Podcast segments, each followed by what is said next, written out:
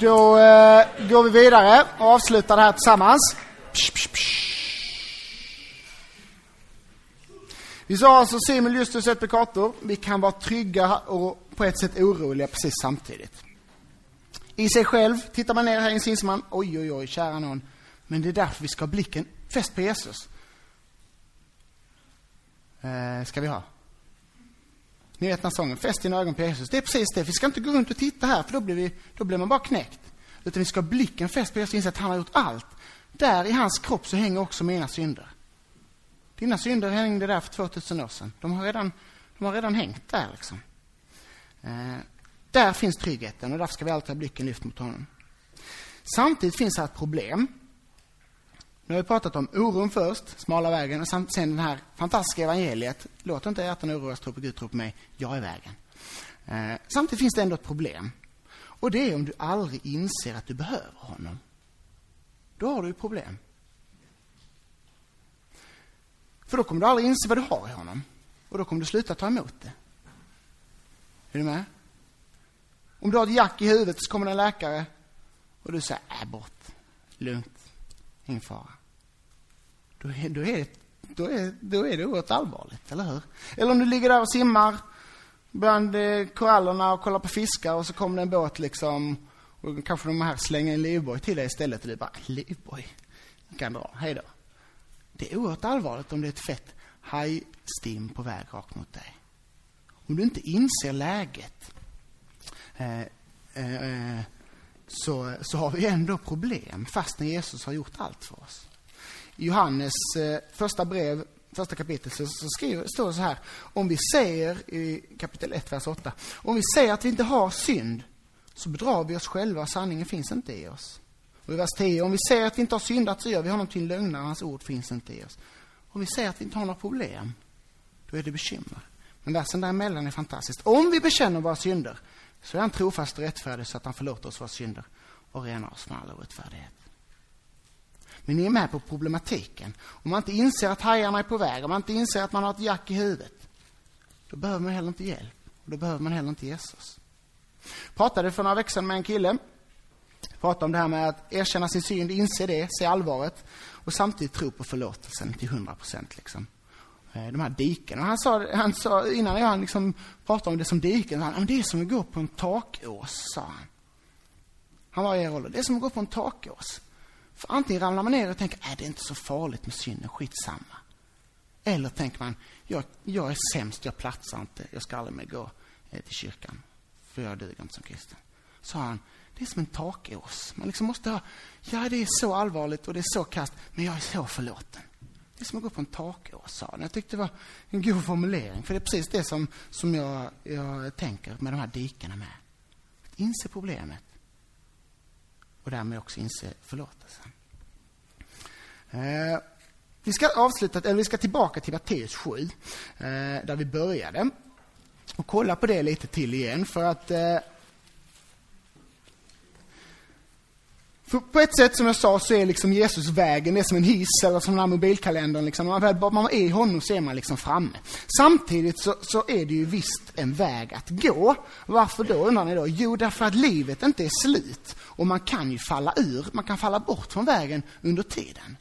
Under det här livet så är det ju en väg att gå, även om vi liksom, när vi går på vägen 100% är med Gud. Det är inte en väg till Gud, utan vi går med Gud, förlåtna för er. Men så i och med att livet är 80 år här, så är det också en väg att vandra där vi faktiskt kan ramla av, ramla bort från Jesus ehm, och lämna förlåtelsen. Och därför är vägen ändå smal och därför är det ändå få som går där. Gud är god, han älskar alla, Jesus har burit alla människors synd i sin kropp. Men alla människor vill liksom inte behöva Jesus, om man säger så. Alla människor har inte insett att de behöver. Och därför, enligt Matteus 7 och Jesus så kommer fler människor komma till helvetet än till himmelen. Och så säger Jesus att det är få som finner den smala vägen. Jag tror det är precis detta det handlar om. Få som finner. Det är få som vill inse sitt eget behov av hjälp. Som inser att jag behöver hjälp. Och därför blir Jesus oviktig för dem. Man vill inte erkänna sitt behov av räddning. Eller vill man kanske inte ens tro på en Gud som säger att jag behöver räddas. Och överhuvudtaget kanske tanken på en allsmäktig Gud som vet bäst och vill, vill och vet bättre än jag eh, och som jag liksom ska inrätta mitt liv efter, den kanske är motbjudande för många. Man vill vara herre i sitt eget liv och inte lyssna på en Gud som säger du behöver hjälp. Den breda vägen, att synden inte är så farlig eller att jag inte är sämre än någon, sämre än någon annan, så brukar ju folk uttrycka det. Jag är inte sämre än någon annan. Det är den breda vägen. Den är mycket mer bekväm och mycket mer enkel. För en aspekt av det här med att porten är trång, det är ju så här att vi måste gå igenom den en och en. Där går vi ensamma. Alltså, visst, vi ska ha kristen gemenskap. Församlingen, ungdomsgruppen, hur viktigt som helst. Din kristna gemenskap. Men när det kommer till kritan så är det du, är frågan, lever du i Jesus eller inte? Alltså man går inte igenom livets port i grupp. Man går inte där tillsammans med sina föräldrar liksom. Man går inte där ens tillsammans med sin konfagrupp. Man går på led liksom. En och en. För den är så smal. Ehm.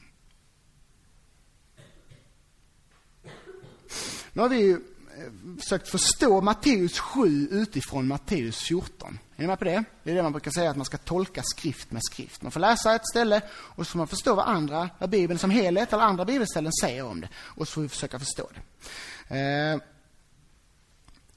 men hur stämmer det, det som vi har sagt med, med vägen, eh, med, om, med det här med att, att eh, det som står i Matteus 7? Det stod ju så här, vad, vad, vilka var det som skulle komma in genom den smala vägen där? Det var de, det står så här, inte ska var en som säger Herre, Herre komma in till himmelriket, utan vem? Utan vem? Jo, den som gör min himmelske faders vilja. Det var det första. Och i vers 23 står det, jag ska säga sanningen, jag har aldrig känt er, gå bort ifrån mig. Alltså den som känner Jesus, den som Jesus har känt och den som gör en himmelske faders vilja, den får komma in i den smala porten. Och då kan man tycka att är det kanske två helt olika saker jämfört med det vi har sagt innan. Petrus som var totalt misslyckad, han gjorde inte vad fadern ville liksom. Det är två olika saker. Jag tror ändå det stämmer ganska bra överens, att det går ihop. För vad är det att göra faderns vilja? Vad är det första som Jesus säger när han börjar predika? Han säger omvänd er och tro evangelium. Sen säger han massa mer. Men det är liksom det första, det är kärnan. Omvänd er, vänd er mot Gud. Alltså det är detta lärjungarna som flyttar lite närmare Jesus. Vi behöver dig.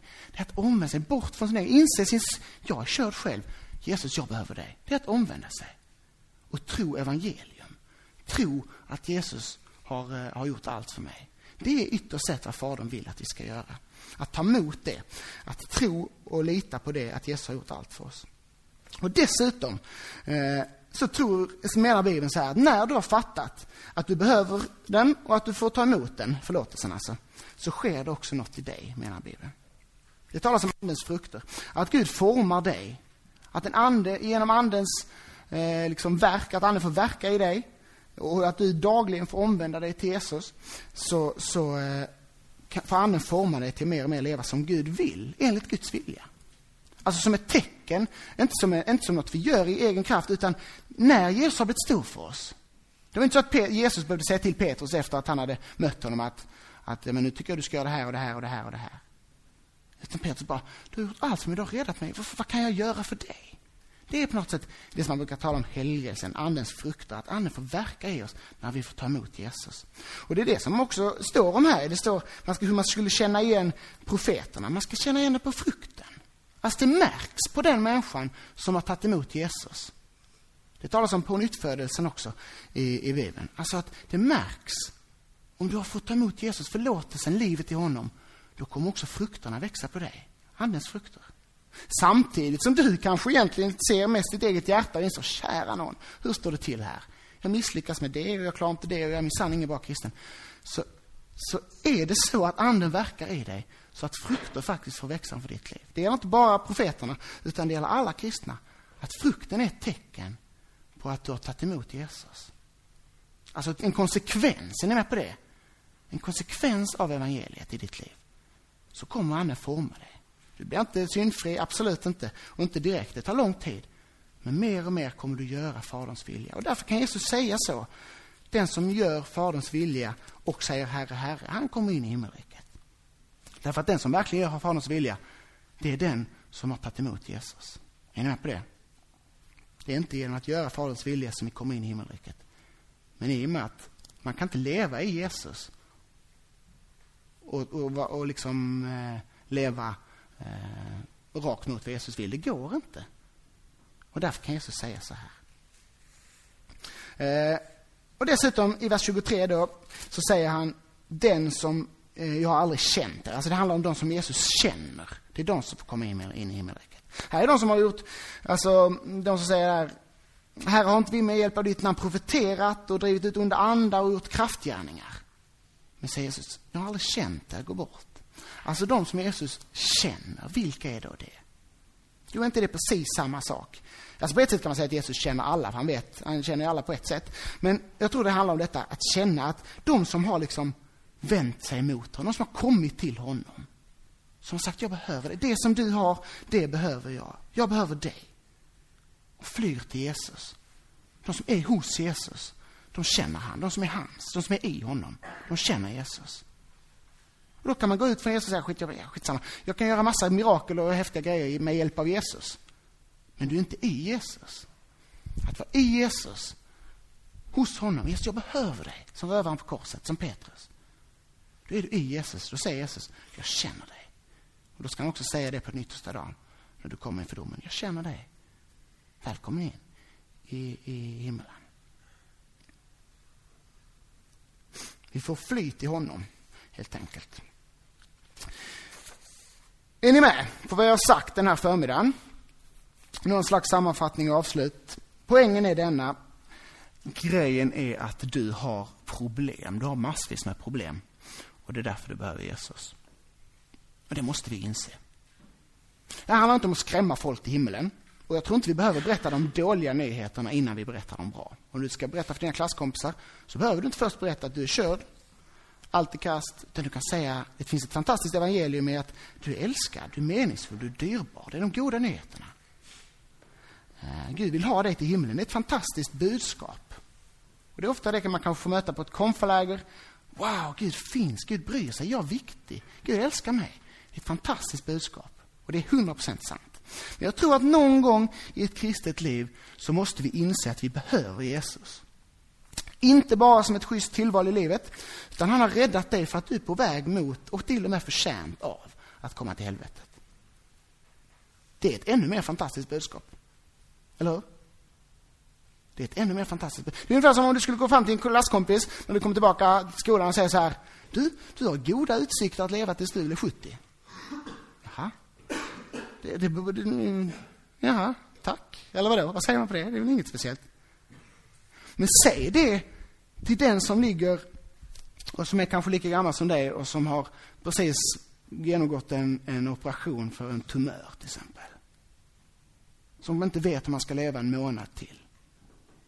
Och så när läkaren säger det till, till honom efter operationen. Du, du har goda utsikter att leva tills du blir 70. Det är fantastiskt ju. Det blir ännu bättre. Och det tror jag Gud ändå vill föra oss. Inse att det är inte självklart med evigt liv. Men vi får det därför att Jesus är så god mot oss. Och så måste vi inse skillnaden på att vara fel och göra fel. Ja, du har problem, du har problemet i dig, vi är på ett sätt förstörda. Men du är inte ett problem för Gud. Gud älskar dig. Det är för att ta tag i problemet som han kom. Problemet som finns i dig. Det är för att han älskar dig och vill ta bort problemet. Det är därför han kom. Du är inget problem. Du är dyrbar, älskad och viktig för Gud. Det var därför han dog på ett kors. För att han vill ta bort problemet ur ditt liv. Därför att du är så viktig. Ibland blandar vi ihop det och tänker men det är jag som är problemet för Gud.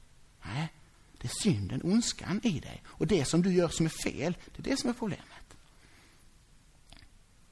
Så får vi låta problemen, alltså synden, misslyckandena, svagheten, även det uppror som finns i oss, kanske som Judas, vi får leda oss till Jesus och inte bort från honom. Det är inte så att vi tänker, ja, men jag platsar inte, utan vi får komma till Jesus med det. Jesus, du ser hur det ser ut. Jag är helt kass. Så vi flyttar lite närmare Jesus, sträcker ut våra händer och säger, mm, jag behöver dig. Paulus skriver så här i Romarbrevet, det jag inte vill, det gör jag. Men det jag vill, det gör jag inte. Alltså, jag lyckas inte. Och jag vill ändå slänga ut den frågan, har du kommit dit? Eller vill kanske anden ta dig dit? Eller tror du kanske fortfarande att, jo men, eller håller uppe masken av att, jo men, jag, kan, jag är ganska bra. Jag klarar det ganska bra. Det är kanske, det är kanske en del här inne som inte har kommit dit. Och det är ingen stress med det. Men jag tror att anden vill föra oss vidare någon gång i livet. Det är kanske, många, det är kanske en del här inne som inte har omvänt er och sagt Jesus, jag behöver dig på riktigt. Och det har ni kanske därför att ni inte har fattat varför ni behöver. För ni har inte sett jacket i huvudet. Eller hajarna som är på väg. Jag vet inte alls var du är. Du kan precis ha upptäckt detta, att wow, Gud finns, Gud älskar mig, jag är värdefull, jag är bra. Och det vill jag inte på något sätt störa dig i, för det är Guds verk i dig. Men kanske finns du också här som Gud har tagit vidare eller vill ta vidare. Och alla ni, oavsett var ni är, är behöver liksom vara beredda på det. Att Gud en dag kan komma ta dig till en öken, en stendöd öken, där du inser att här är bara torrt och kast här inne. Att du inser att du, du, du får inte ihop det, du lyckas inte. Och då ska du inte bli knäckt och gå bort från Jesus. Alltså. För det är Andens verk. Han ska överbevisa om synd. Och för dig som har varit kristen länge och kanske aldrig upptäckt dina svagheter, aldrig upptäckt att du egentligen behöver Jesus, då får du ändå fundera på om du verkligen utsätter dig för Guds ande. Är du där Guds ande är? I predikan, i bibelordet, i bönerna. Så att anden får verka det, det verket i dig. Att du inser att, kära någon, jag behöver Jesus. Den här oron är inte så dum ändå. Genom, Jesus, genom Andens verk så blir Jesus viktig för dig. Och jag vill inte skrämma upp er på något sätt. Men jag måste ändå säga att jag vet inte och jag kan inte veta vilka av er här inne som är på väg mot himmelen. Det var ganska allvarligt sagt. Men jag kan inte säga det. Jag vet inte. Det är Gud som ser ditt hjärta och ser vad du är. Om du har sagt Jesus, jag behöver dig. Jag vet inte det. Jag vet inte vilka av oss här inne som är i Jesus på väg mot himlen.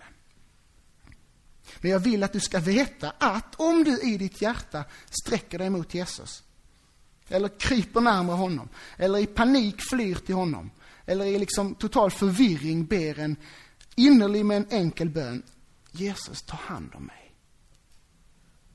Då vill jag att du ska veta att då har du allt i honom när du är i honom, så länge du är där hos honom. Han bar all din skit, all din misslyckande, precis som Petrus och de andra, upp på Golgata. Och därför är himlen öppen för dig. Och det är Jesus som är vägen dit. Bara Jesus som har gjort det. Han är vägen, sanningen och livet. Och då säger han till dig och till oss, låt inte ditt hjärta oroas. Tro på Gud. Tro på mig. Jag är vägen. Har du mig så har du livet. Vi ber tillsammans. Jesus, jag tackar dig för din nåd. Jag tackar dig för eh, att vi får, eh, vi får som rövaren bara rikta blicken mot dig och säga att vi inte klarar det själva. Och så får vi ta emot allt i dig, Herre. Herre, det finns ett allvar i vår tillvaro, Gud. Eh, majoriteten av människor kommer gå förlorade, om vi förstår det här bibelstället rätt. Men jag ber att ingen av oss här inne ska gå förlorad, Herre. Jag ber heliga Ande att du kommer och verkar i oss, Herre. Det här lägret, idag, imorgon, men också hemma. Att vi ständigt får utsätta oss för dig, Helige Ande, i ordet, i predikan, i bön, Herre. Så att du, Helige Ande, får visa sanningen om oss själva. Att vi har ett jack i huvudet, vi har problem, vi behöver hjälp. Och att du Helige Ande också målar Jesus för oss, så vi inser att vi har allt när vi är honom. Att vi får bli tvättade. Tack för att vi har blivit tvättade i dopet, tack för att vi får leva i den tvätten, i den renheten som du ger Jesus. Och att vi när vi är i dig, så är vi liksom hemma, för du är vägen hem. Jag ber om ditt beskydd över oss alla. Du ser den ondes lögner, du ser de dikena som han försöker dra oss ner i. Att vi inte skulle platsa, att vi inte skulle duga. Det är just därför du kom för att rädda oss, Herre. Och andra diket att, vi liksom, att det inte är så farligt här, så vi inte behöver dig, eller att vi inte inser vårt, vårt problem här. Jag ber heligande Jesus beskydda oss, alla här inne, från de lögnerna. Så att vi inser vårt behov av dig, Jesus, och inser att vi har allt, allt, allt i dig, Herre.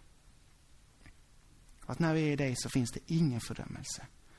För du är den som har räddat oss. Du är, den som har, du är den som har kommit till jorden som ett litet barn för att frälsa, söka upp och frälsa det som har förlorat.